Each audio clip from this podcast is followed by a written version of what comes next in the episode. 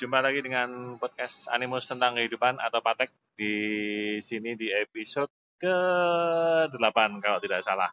Nah, di episode kali ini kita kedatangan tamu, ada seorang teman yang akan kita ajak ngobrol-ngobrol, uh, ngobrol-ngobrol santai sambil ngopi-ngopi di siang hari. Ya, kebetulan hari ini kita bikinnya lagi siang-siang sambil ngopi-ngopi. Uh, teman kita kali ini profesinya adalah seorang tarot trader juga. Nah, kita ingin ngobrol-ngobrol lebih enak kalau saya sendirian yang ngomong tentang profesi tarot trader kesannya kan nggak enak. Jadi kesannya seolah-olah seperti apa ya uh, membanggakan profesi dan lain sebagainya. Tapi kalau kita ngobrol dengan teman gini kan lebih lebih enak, lebih bisa bertukar pikiran, apa yang dirasakan, apa yang dialami, pengalaman kita sebagai tarot trader dan lain sebagainya. Oke, selamat datang Mas Teguh. Silahkan diperkenalkan diri dulu. Halo, nama saya Teguh. Saya pembaca tarot. Akun saya di tarot aja. Oke. Apalagi pertanyaan? Mulai baca tarot tahun berapa? Sekitar tiga tahun lalu saya belajar tarot. Tiga tahun lalu. Ini tahun 2019. 19. Ya. Berarti 2016. Iya, sekitar itu. 2016 akhir ya? Kayaknya itu ya uh, oke okay. jadi uh, Mas Teguh ini salah satu yang profesinya adalah full time tarot reader atau secara penuh waktu sebagai pembaca tarot. Jadi membaca tarot dijadikan sebagai profesi utama bukan sebagai sambilan. Betul ya? Betul betul banget. Nah, yang sambilan profesinya masih ada masih lah semuanya. Sambilannya broker. Oke. Terus apalagi yang mau ditanya, mau ditanyain tadi? Uh, kenapa sih memilih profesi sebagai pembaca tarot? Alasannya apa? Alasannya tarot itu menarik. Jadi karena hmm. saya dulu latar belakangnya itu belajar sastra. Di kuliah saya di sastra. Jadi tarot itu sangat menarik dan dekat dengan saya. Jadi bertutur, menceritakan itu hal yang biasa bagi saya. Membaca itu hal yang dekat sekali dengan saya. Jadi ketika saya memindah kebiasaan itu ke tarot itu jadi lebih gampang. Jadi secara feel itu dekat.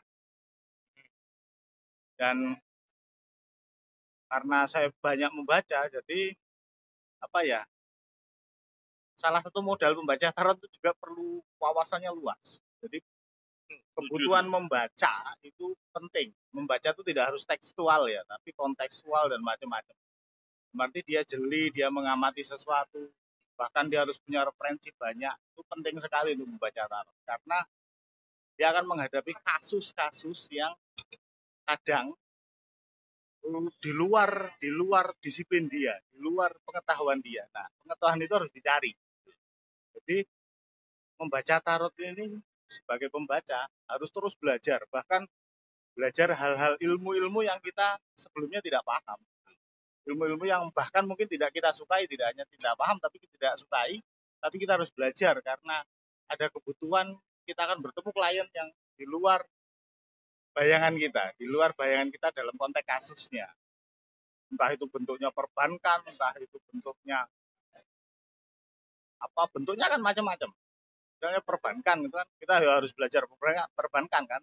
Terus aku pegang kasus kayak kriminal otomatis aku harus harus belajar tentang gimana sih proses di kepolisian dan macam-macam. Harus harus belajar gitu. ya menarik sekali ya. Jadi kalau di dunia tarot trading memang kadangkala banyak hal yang di luar apa ya ekspektasi mungkin ya mas ya di luar di luar apa yang kita karena masalah orang itu ternyata kompleks dan istilahnya apa ya mat apa ya ranahnya matranya itu banyak banget. Dari mulai yang hanya masalah cinta-cintaan kemudian yang paling banyak tapi tetap cinta kan mas? paling banyak ratingnya paling tinggi itu cinta. Oke okay. berapa persen kira-kira tempatnya mas bro? Tempat saya mungkin di 80 persen itu cinta ya, tetapi, sama hmm, sih ya. tetapi kan cinta juga ini kan luas. Nah, betul. luas tuh kita harus juga menganalisa, maksudnya menganalisa kenapa ini terjadi, uh, latar belakang psikologi apa yang mempengaruhi dia karena kita pakai tarot positif berarti kan pada pada solusi akhirnya kan kita melihat kasus itu gimana ada solusi jadi harus belajar ke wilayah-wilayah yang lain kan tidak hanya cintanya unyu-unyu atau cintanya yang hanya sederhana itu tapi kenapa ini terjadi? Apakah ada efek mother kompleks apa ada macam-macam yang harus kita pelajari? Ya cinta aja sudah sekompleks itu ya. Padahal kita ngomongin tidak cuma cinta-cintaan padahal cinta-cintaan itu sudah sekompleks itu dan dan dimensinya banyak. Jadi bisa aja hanya saling naksir hanya nah. masalah dengan pasangan atau orang ketiga wah banyak banget uh, dimensinya uh, cinta gaib Waduh. cinta gaib tuh nggak kenal tapi kok merasa jatuh cinta. Nah, cinta gaib apalagi itu yang aneh itu. Ter, ya oke. Okay. Dan selain cinta pun ma masih banyak hal yang bisa kita temui dari klien-klien kita di tarot. Jadi mulai masalah bisnis, keluarga, karir, masalah hukum tadi, masalah supranatural. Nah, supranatural hukum yang harus belajar terus. Nah ini yang yang unik. Jadi buat teman-teman yang kepengen uh, men menjadikan tarot sebagai profesi atau kepengen uh, menjadi seorang tarot reader, ternyata tidak hanya cukup hanya mengetahui tentang ilmu membaca tarot aja ya mas ya. Iya. Kalau ilmu membaca tarot harus itu harus karena basicnya di situ. Tetapi ilmu lain ilmu-ilmu lain itu sangat penting sekali. Pengetahuan itu sangat penting sekali karena ilmu tarot ini akan diletakkan pada konteks tertentu. Konteks tertentu itu bisa di bidang lain, gitu. tidak di tarotnya. Yang penting intinya mungkin wawasannya harus nah, luas. Harus luas. Jadi harus open mind, wawasan harus luas, harus tahu, paling nggak tahu sedikit lah tentang banyak hal. Ya. Itu kalau yang menarik di di dunia yang yang kita kupas kali ini di dunia tarot reader. Jadi yang menarik adalah sebenarnya ilmu membaca tarot akan sangat sulit untuk berdiri sendiri. Ya, setuju iya, nggak? Ya, ya. Jadi harus ada disiplin-disiplin pengetahuan dan ilmu-ilmu lain untuk untuk seorang pembaca tarot. Jadi hmm. nggak bisa dia hanya tunggal belajar tarot saja nggak bisa. Memang tidak bisa. Jadi uh, ya kalau belajar kayak gitu saja dia akan terbatas pembacanya akan terbatas. Ah, dan kemampuan dia akan terbatas. Dan banyak banyak yang saya temui, maksudnya yang yang yang kita temui mungkin mas. Jadi kalau di pembaca tarot yang hanya menguasai dalam tanda kutip wawasannya sedikit, ilmunya pun tidak terlalu luas, akan menjadikan pengalaman dirinya sebagai refleksi dari pembacaan. Jadi dia membaca itu ya, seolah-olah jadi dirinya. membaca dirinya gitu loh. Empirik, hanya empirik kan gitu loh. Hmm. Sesuatu yang dialami. Sementara kan tidak semua kehidupan ini kita mengalami semua. Dalam oh. konteks cinta saja. Belum tentu setiap orang itu mengalami puber kedua. Hmm. Nah kalau landasannya hanya dirinya, maka dia akan apa akan bingung, akan tidak paham dengan situasi itu. Jadi nggak bisa kita hanya empirik, jadi hanya sesuatu yang teralami, tapi juga pengetahuan. Dia harus bisa membaca, dia pernah mendengar, dia mengamati situasi, lingkungan, penting sekali. Ya, dan terutama juga update dengan uh, apa yang sedang uh, tren atau yang fenomena di masyarakat lah gitu loh. Ya. Yang sedang lagi, lagi panas ini apa, lagi hot ini apa gitu. Jadi memang membaca tarot diperlukan satu wawasan yang luas, yang kedua pengetahuan tentang tarot itu perlu tentu ya dasar itu ya. Dasar harus dikuasai. Dasar dikuasai. Nah buat teman-teman yang tertarik, jadi uh, kita di Animus ada kelas membaca tarot nanti di tanggal 6 Oktober. Ini buat teman-teman yang domisilinya di Kota Solo ya. Jadi, atau di sekitarnya atau bisa menjangkau Kota Solo. Uh, atau bisa menjaga Kota Solo dengan mudah lah. Jadi Jogja itu masih bisa lah, hanya satu jam kalau naik kereta gitu. Ya, jadi ada kelas kita tanggal 6 Oktober uh, kelas membaca tarot. Ini kelasnya basic dan harganya spesial banget.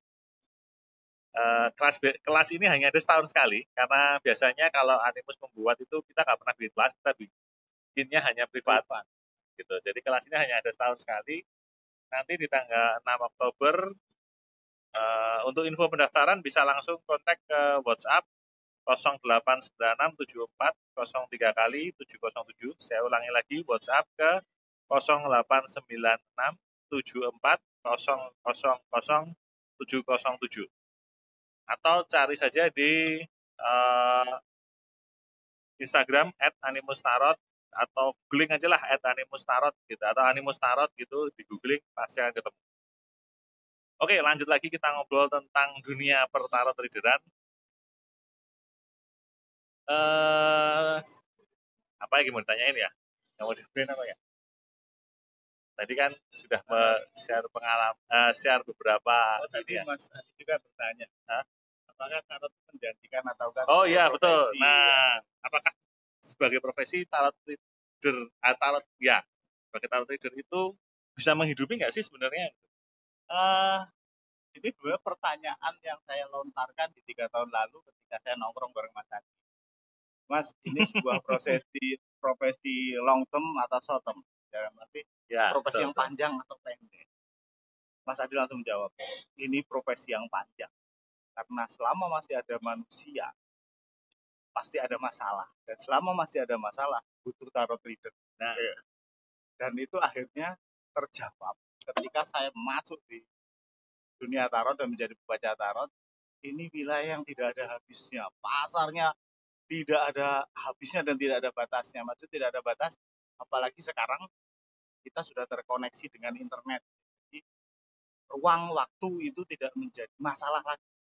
Kalau ini terjadi mungkin saya menjadi pembaca tarot 10 tahun yang lalu, saya akan kesusahan. Kesusahannya saya harus face to face, saya harus tatap muka.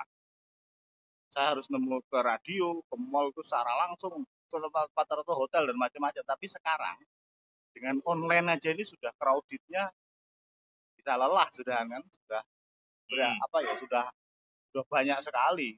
Bahkan beberapa klien saya itu ada di negara lain, Prancis, di Amerika, dari jarak yang jauh, dari ruang yang jauh, yang beda waktu. Kalau ngomongin prospek, prospek banget.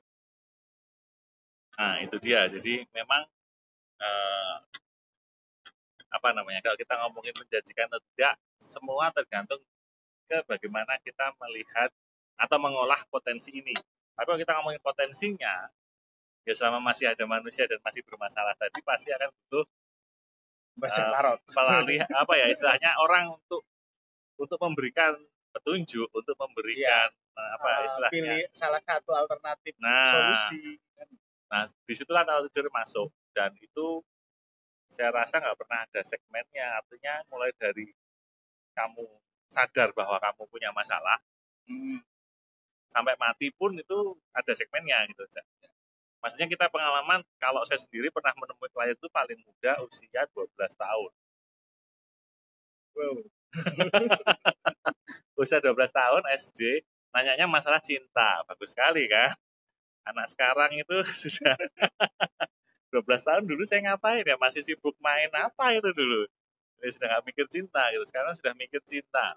Sampai ke usia yang aku pegang yang 60 tahun. Nah, 60 tahun ada. Cinta. Sama, sama, ada juga yang sama. Jadi maksudnya usia yang ya kalau saya bilang kalau kita mau ngomong, ini bahkan kalian yang saya ketemu langsung sudah mungkin 60-an lebih sih ya. Jadi artinya orang anaknya sudah gede-gede, sudah ada cucu. Jadi ya ya masalahnya pun sama tetap, tetap cinta.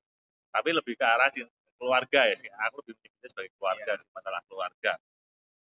Nah, kita ngomongin segmen dari range usia sampai segitunya. Dari range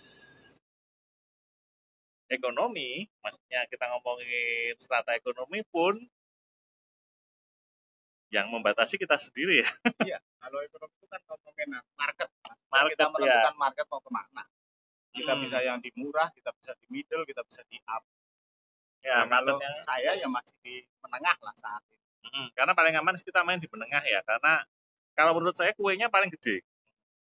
Karena kalau kita ngomong di menengah itu kita bisa lari ke bawah, artinya range pasar bawah itu masih, masih mungkin. bisa mungkin menjangkau walaupun jarang-jarang. Range atas enak gitu. Ya. lebih enak lagi gitu. Jadi orang mungkin berpikirnya sudah kaya masa punya masalah lagi. Oh, justru lebih banyak masalahnya. Kaya itu malah kadang masalahnya sepele. Iya. kadang hanya butuh didengar, kadang hanya bercerita. Dan dia tidak bisa bercerita dengan sembarang orang, dengan bahkan dengan temannya sendiri kadang hal itu nggak bisa diceritakan, tetapi dengan pembaca tarot itu bisa diceritakan. Bahkan dengan pasangan ya mas, nggak ah. bisa diceritakan. Ya itulah enaknya eh, kalau kita ngomongin segmen pasarnya, potensinya yang bisa diolah itu sedemikian luasnya, sedemikian besarnya. Tinggal gimana kita mengolah, tinggal gimana kita mau masuk di segmen yang mana. Ya, harus menentukan segmen. Nah, harus menentukan segmen. dan itu berat, dan itu gak gampang. Nah, menentukan segmen yang berat. Beratnya gimana, Mas? Pengalamannya gimana? Eh, ngomongin segmen, akhirnya kan kita ngomongin range harga. Iya, Nah, ngomongin range harga itu kan musuhnya diri sendiri. oke. layak nggak sih saya menghargai diri saya sekian? Nah oke. Ketika kamu merasa ngomong tak aku layak kok. Dengan kualitas yang tak miliki dengan belajar yang tak miliki dengan semua yang kuasai layak. Tetapi kan itu tidak langsung berbanding lurus dengan feedback yang terjadi. Maksudnya tidak tiba-tiba klien rame. Tidak nah tantangannya kan di situ. Berani nggak kita struggle pada titik segmen kita? Kita bertahan di situ. Itu kan nggak gampang. Dengan range harga segitu dengan waktu yang segitu kita tetap bertahan di titik itu itu itu nggak gampang. Dan apalagi saya Mas Adi ini berkali-kali menaikkan harga Pak. kita nggak menurunkan tapi malah menaikkan kan? Nah, Jangan sampai turun jangan sampai turun kan? Gitu Ya, karena emang penyesuaian sih kalau saya melihatnya kemarin kenapa memilih menaikkan harga karena penyesuaian. Artinya ya itu tadi kita harus nge- kalau bahasa Jawanya ngepaske atau menyesuaikan kadar eh, istilahnya mengapresiasi diri dulu lah. Ya. Kita tuh pantas di harga berapa sih dengan dengan servis yang kita berikan, dengan skill saya, dengan pengetahuan saya, kita pantas di harga berapa. Nah, itu yang yang yang cukup tricky untuk menentukan. Dan memang tarot leader di Indonesia segmen harganya tuh luas sekali. Dari yang mulai puluhan lima ribuan kayaknya ada deh mas. Kayak lima ribuan ada per pertanyaan tuh kayaknya ada sih. Kayaknya sih masih ada. Eh, bahkan sukarela ya. sukarela Nah sukarela ini yang unik nih karena agak susah nih. ya Karena bisa gede bisa kecil. bisa gede bisa kecil. Nah, begitu aku pernah menjalankan sukarela, membaca sukarela itu pernah, tetapi dalam event-event tertentu. Tetapi itu benar-benar harus dengan kelonggaran batin dan jiwa yang emang kita siap. Maksudnya konteks kita saat event itu berarti tidak mencari uang. Berarti tidak mencari uang berarti kita hanya membaca tarot dan memberikan solusi, tapi tidak ber- berpikir tentang berapa uang yang didapat. Ah, Dan entah jangan- apa pun, a- apa pun. apa pun motifnya ya. Maksudnya kira-kira eh, kita yang baca tarot, entah itu motifnya untuk promosional, Ah, untuk mengenalkan tarot saja, atau mau ya kata kita mau membantu dan lain Iya. sebagainya. Gitu kan, ya. tapi ya balik ke kita kita siap nggak dengan situasi itu? kalau kita emang siap bagi itu nggak masalah sih kalau kita tidak mempertanyakan itu sukarela atau tidak berbayar nggak masalah Hmm. tapi kalau batin kita ini masih goyang masih. Akhirnya nanti kok kok aku tadi nggak pasang tarif ya kok malah tak gitu nanti image-nya kayak gitu. Nah berarti ada masalah. Saya sarankan untuk tidak. Kalau masih kayak gitu tidak. Jadi kan pasang tarif ya. mendingan pasang tarif. Kalau nggak masuk berarti bukan segmen. Oke, ya. Karena karena lucunya adalah di di orang yang memasang dengan sukarela, saya mengenal beberapa orang itu dengan segmen yang berbeda. Ada yang segmen memang sukarela ya hanya lima ribuan, dua puluh ribuan, sepuluh ribuan gitu. ah, Ada yang kelasnya udah jutaan. Iya. dia ketemu klien ya ditanya berapa dia jawab silahkan aja. gitu. Tapi dapatnya dia jutaan, tapi sukarela. Gitu. Ini yang yang harus harus hati-hati jangan sampai terjebak ke mindset oh sukarela itu pasti dapatnya banyak atau sukarela pasti dapatnya sedikit. Ya. Karena random banget gitu. Nah, yang paling celaka bagi saya ketika kenapa sukarela muncul ketika dia melihat ini ah hanya sekedar permainan. Itu masalah. Nah, ya karena itu jadinya tidak menghargai sebuah skill, Skill. sebuah ilmu. Jadi seorang pembacanya malah menggampangkan profesinya sendiri. Ah, hanya membaca aja kok tak free. Bagi saya tidak bisa. Ya, kita harus menghargai semua. Berapapun nilainya, berapapun nilainya, tapi ada peng- yang dan lucunya gini. Jadi mungkin ini membahas sedikit ya. Salah satu hal yang perlu diper yang yang perlu diperhatikan ketika jadi seorang pembaca tarot sebenarnya adalah kedewasaan. Karena banyak banget yang saya temui dan utamanya dari klien ya, karena ini input dari klien, klien yang dalam tanda kutip mengadukan atau dia cerita, oh dia ketemu tarot reader yang seperti ini, seperti ini. Nah, banyak sekali yang kedewasaannya belum belum matang. Dalam artian belum matang itu seperti ini. Jadi eh, kedewasaan tentang eh, materi, misalnya tentang keuangan, artinya klien tentu adalah sumber pendapatan kita atau sumber kita dapat duit dari situ. Tetapi kita tidak bisa kan semata-mata memperlakukan klien sebagai dalam tanda kutip sapi perah. Ya. Kita nggak bisa ngoyak-ngoyak klien lah. Nggak Ayo, konsultasi atau Nggak tapi ada juga yang saya dapat input ada beberapa orang yang memberlakukan seperti itu. Jadi dia seolah-olah mendorong klien untuk konsultasi. marketing berarti strategi marketingnya. ya. Nah, Itu. strategi marketingnya yang error gitu. Jadi artinya strategi marketingnya terlalu terlalu kalau kita mau keluar dari etika itu ngomongin strategi marketing kan ah, gitu. ya, strategi marketingnya terlalu terlalu kenceng. gitu. Atau yang modusin klien dalam artian terutama ya terutama tarot trader tarot trader muda sih Ya. yang membaca tarot untuk mencari pasangan Motivasi awalnya. motivasi awalnya itu biar keren, biar dengan orang banyak. Sebenarnya sah-sah saja awalnya motivasinya, tapi kan harusnya perjalanannya akan membuat dia matang. nah ini mungkin kalau kita ngomongin sebagai etika ya kode etik ya susahnya di profesi kita kan belum ada satu Apa ya? Asosiasi. Kalau asosiasi ada, Ya. cuma apa ya istilahnya etika yang yang jelas itu kan belum ada. Aturan kode etik yang jelas gitu loh. Karena kode etiknya ya masing-masing, artinya setiap orang punya kode etik sendiri-sendiri gitu. Di asosiasi pun juga karena nggak tahu ya karena saya nggak terlalu aktif di asosiasi saya yang ada gitu. Jadinya saya nggak ngerti ada ada kode etiknya nggak tapi kayaknya sih ada cuma nggak terlalu ketat sih gitu. nah sih yang lucu kalau baca di bukunya Ibu Ani sekarang isi di tarot wayang itu justru malah ada malah sekilas pintas malah ada semacam kode etiknya. Tapi nggak nggak banyak sih. Jadi misalnya oke kita boleh meminta yang di situ tuh ya. Kita boleh meminta bayaran atau meminta timbal balik berupa uang dari klien.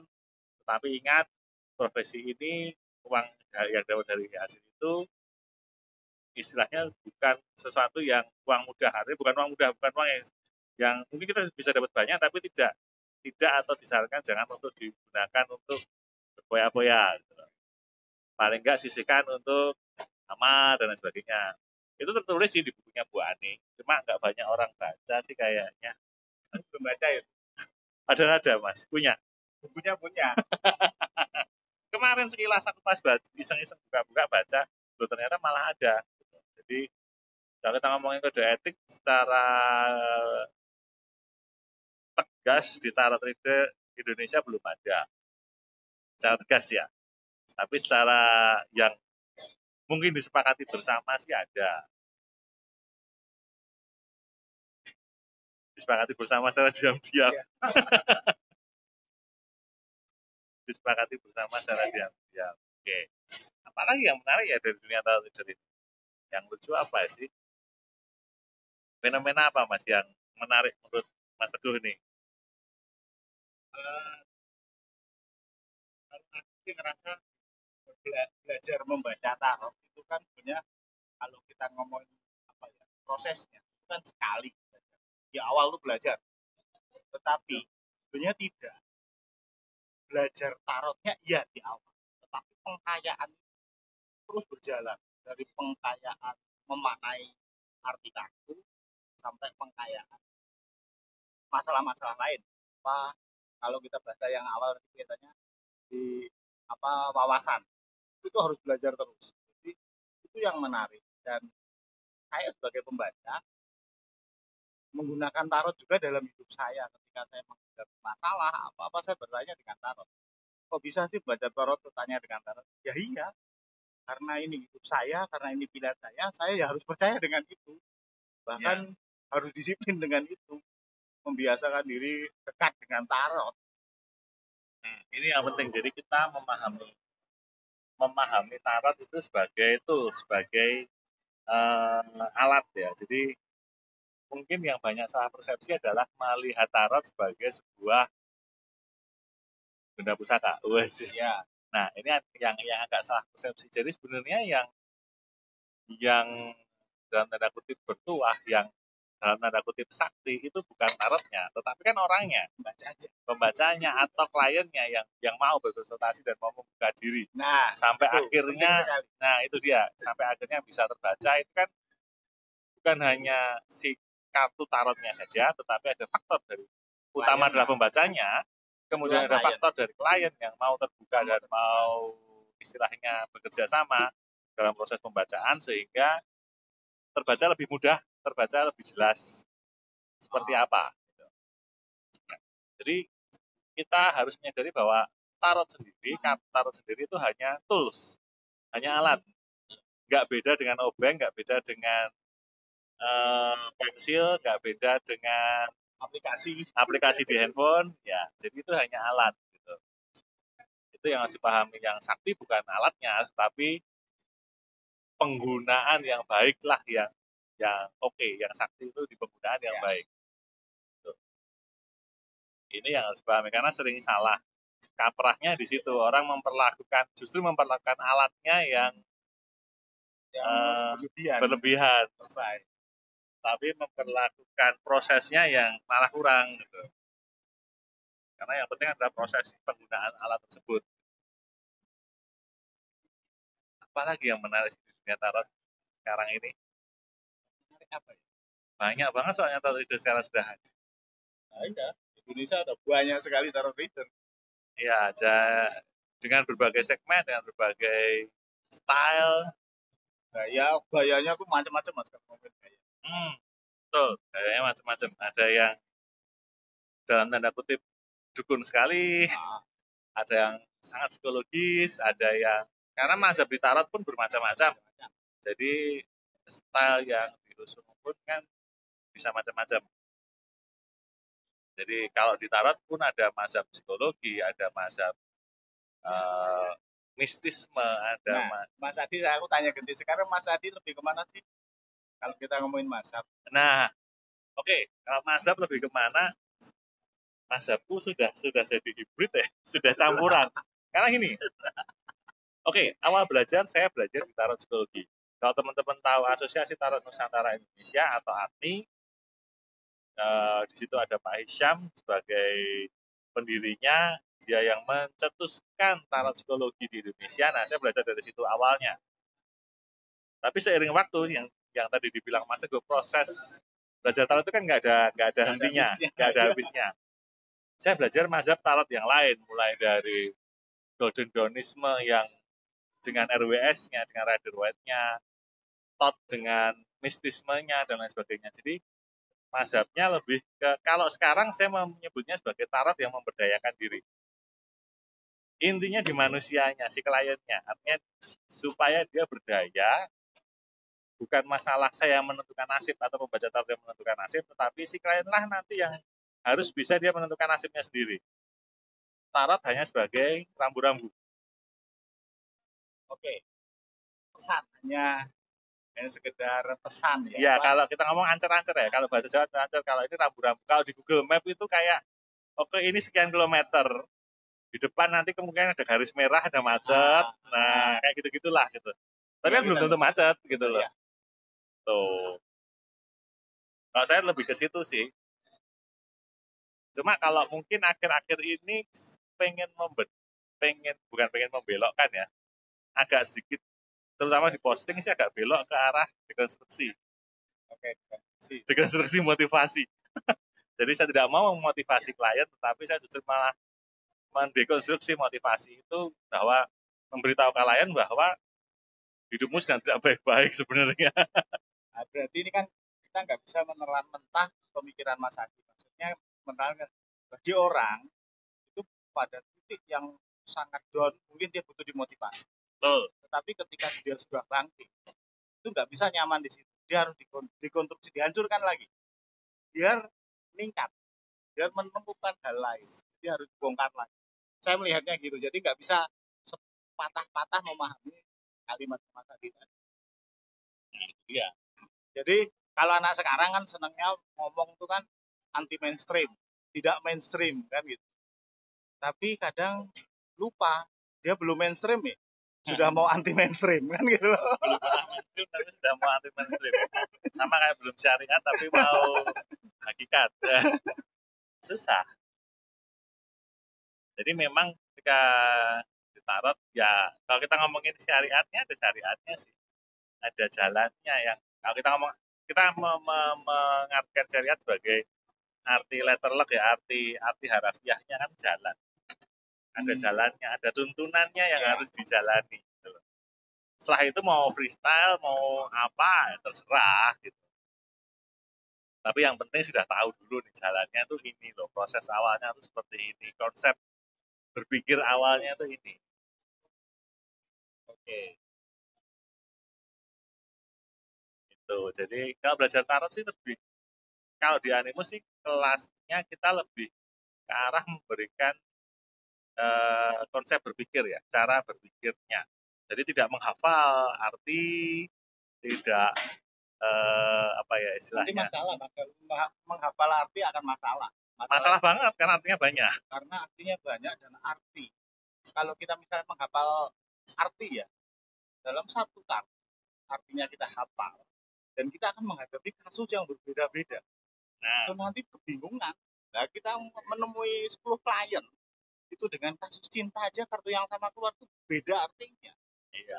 Tidak bisa kita samakan. Sama nanti lama-lama malah malah apa ya blunder untuk pembacanya. Malah dia yang akhirnya jenuh dengan dengan kartu. Jadi yang harus dipahami adalah uh, ketika baca tarot awalnya adalah memahami konsep, jangan jangan menghafalkan arti tapi memahami konsep, memahami pola pikir. Oh yang bikin tarot itu dulu pola pikirnya ini loh atau ah, alur berpikirnya nah, seperti ini. ini loh. Maksudnya dia itu dia ngasih gambar ini tuh maksudnya ini loh gitu loh. Tarot sebuah perjalanan gitu kan. Nah, ya. konsep-konsep itu harus dipegang dulu. Ya, kalau tidak dipaham dengan memegang konsep itu jauh lebih gampang ketika dia nanti ketemu misalnya kartu yang berbeda karena jenis kartu tarot atau deck tarot itu ada ribuan macam atau kartu ini misalnya sama nih ketemu klien dengan uh, masalah yang mungkin sama aja tetapi latar belakang yang berbeda. Ya. Sudah beda. Ya sudah beda karena nggak bisa kita pukul rata oh kartu ini artinya ini ini ini ini ini ini ini gitu nah belum tentu di kasus tertentu bisa saja artinya lain bahkan kartu yang maknanya positif pada seseorang bisa negatif ketika tadi ngomongin dekonstruksi dan konstruksi tadi berarti hmm. ketika dia pada titik nyaman kartunya keluar bagus. Tapi ini kan zona nyaman. Hmm, zona yang bahaya zona yang yang bahaya. Dia harus dilepaskan dari zona itu ke zona lainnya. Nah, jadi kan membaca kartu kan positif negatif. Baik, buruk, bahasa lainnya atau positif negatif paling enak kita melihatnya seperti itu ya. Tapi kadang positif juga ini bisa menjadi negatif. Sebuah kemapanan itu bisa menjadi stagnasi. Mapan-mapan aja ya nggak nikmat ya. Tapi butuh ada situasi yang apa ya dinamis bagi Ya. Jadi sangat hati-hati kadang membaca tarot tuh harus benar-benar tekun dan hati-hati sekali. Lain hati-hati yang paling penting adalah sebenarnya kita tidak boleh judgmental, tidak boleh Ah, menghakimi, menghakimi bahwa seperti ini, oh ini pasti seperti ini, oh ini nanti yang nggak boleh. Gitu. Harus benar-benar melihat setiap masalah itu detail. Satu, ini apa sih latar belakangnya kalau sudah sampai seperti ini, ini bagaimana? Karena akan selalu berbeda-beda di tiap orang, di tiap kasus. Jadi tidak boleh harus netral dan tidak boleh hanya mentah-mentah menerima masukan dari klien tok. Oke, ya. Jadi kebenaran klien itu kadang abu-abu juga maksudnya bahkan untuk menjaga objektivitas informasi dari klien itu enggak dengan mudah harus kita tangkap sebagai kebenaran. Bisa dia belum terbuka. Jadi, atau dia masih denial, dia masih mengalami penolakan. Jadi bahayanya bagi pembaca adalah ketika dia melihat klien apa yang dibicarakan klien sebagai sumber utama. Nah, pembacaannya bisa tidak tepat, pembacaannya bisa tidak menghasilkan sesuatu yang bagus untuk klien malah. Jadi yang, yang harus hati-hati di situ. Kadang kadang klaim klien misalnya dia mengklaim kita sudah dekat, pasangan sudah dekat. Loh, kita harus double cek lagi nih dekatnya itu seperti apa. Berapa kali ketemu, berapa kali ini atau sudah sampai jauh mana dan sebagainya. Ini penting karena asumsinya tuh berbeda-beda. Asumsi klien dengan itu seperti itu sudah dekat, tapi di asumsi saya atau di asumsi orang lain mungkin orang berbeda. yang dia dekat belum tentu. Belum tentu, mungkin dia menganggapnya ya biasa aja gitu kan. Ini yang yang harus di, diperhatikan juga dalam membaca tarot. Lucunya banyak sekali bahkan di sebenarnya. Kalau kita ngomongin di judgment ini maksudnya kita menghakimi. Tapi intinya yang penting jangan jangan jangan kita sok ngerti lah maksudnya dengan oh ini seperti ini gitu. Harus cek cek cek dengan pertanyaan pertanyaan Dari pembaca harus proses. jadi pembaca tarot tidak haram sebagai pembaca tarot untuk bertanya ya. Tidak haram karena nah salahnya kan kadang apa ya klien atau orang pun melihat pembaca tarot itu seorang kebenaran tunggal. Jadi dia tahu segalanya, dia mengetahui semua hal. Belum tentu kita butuh proses karena konsultasi dalam tarot tujuannya mencari solusi, tujuannya keluar dari kondisi yang nggak enak atau masalah atau persoalan. Tujuannya kan ke sana. Berarti seorang pembaca harus cross check ke klien dan itu nggak haram. Nggak yang dia kebenaran tunggal. Nah, ini salah satu tips atau apa ya insight ketika jadi seorang pembaca tarot itu yang diperlukan. Jadi tidak hanya ilmu membaca tarot atau teknik membaca tarotnya saja, tetapi lebih ke arah pengetahuan umum, sikap, pola pikir, kesiapan mental, kedewasaan. Gitu. Jadi ini yang harus diperhatikan uh, ilmu tarot di Indonesia memang kita bilang masih abu-abu. Ya enggak di Indonesia sih, di seluruh dunia memang masih abu-abu. Artinya mau dibilang psikologi pun itu bukan psikologi yang Yang baku, pure psikologi. baku, karena tidak ada empirisnya, tidak Ya. ada penelitian empirisnya dan sebagainya. Ini masih pseudo science, masih apa ya? Bayang-bayang ilmu. ilmu pengetahuan yang masih pinggiran lah, bayang-bayang lah. Bisa jadi subjektivitas, bisa jadi sebuah ilmu pengetahuan. Gitu. Karena subjektivitas kenapa? Karena tergantung si pelaku di dalamnya. Artinya pelaku itu bagaimana si pembaca tarot membawa dirinya dan lain sebagainya. Gitu. Jadi bisa dibilang tarot itu klinik atau tarot itu ilmiah. Ya ini masih di masih, tengah-tengah. Masih molor, masih bisa ditarik ke sana ke sini. Nanti Ya, ngomongin ini sebuah ilmu akademik, orang akan menggunakan teorinya Carl Gustav Jung, kan? Orang akan ada pembaca yang lebih tertarik pada klinik, dia akan men- memaknai bacaan dia sebagai sesuatu yang wow, sesuatu yang seolah-olah bisa membaca situasi orang lain. Masih lentur memang. Tapi bagi saya kalau ini arahnya nanti ke ilmu, ini ya memang proses yang akan ke sana, bisa saja.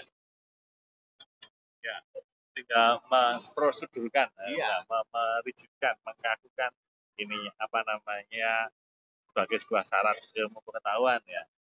Oke, jadi mungkin cukup sekian dulu kita ngobrol-ngobrolnya cukup panjang kali ini uh, podcast episode 8. Jadi ngobrol-ngobrol seru dengan Mas Teguh bersama membaca tarot tentang tarot. Kayaknya lebih enak format ngobrol ya kalau podcast ngomong sendirian aku justru malah lebih pas sepi ya. Jadi kayaknya mau ngomong itu nggak nggak nggak enak gitu. Mau ya cuma poin-poin yang mau diomongin ini ini ini ini, ini selesai gitu. Kalau nggak kalau malah ngelantur.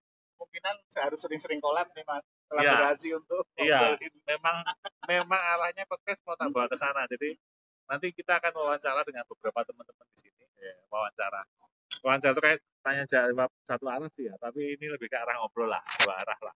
Kita ngobrol dengan teman-teman di sini. Oke cukup dulu untuk episode 8 podcastnya. Sampai jumpa di episode berikutnya. Bye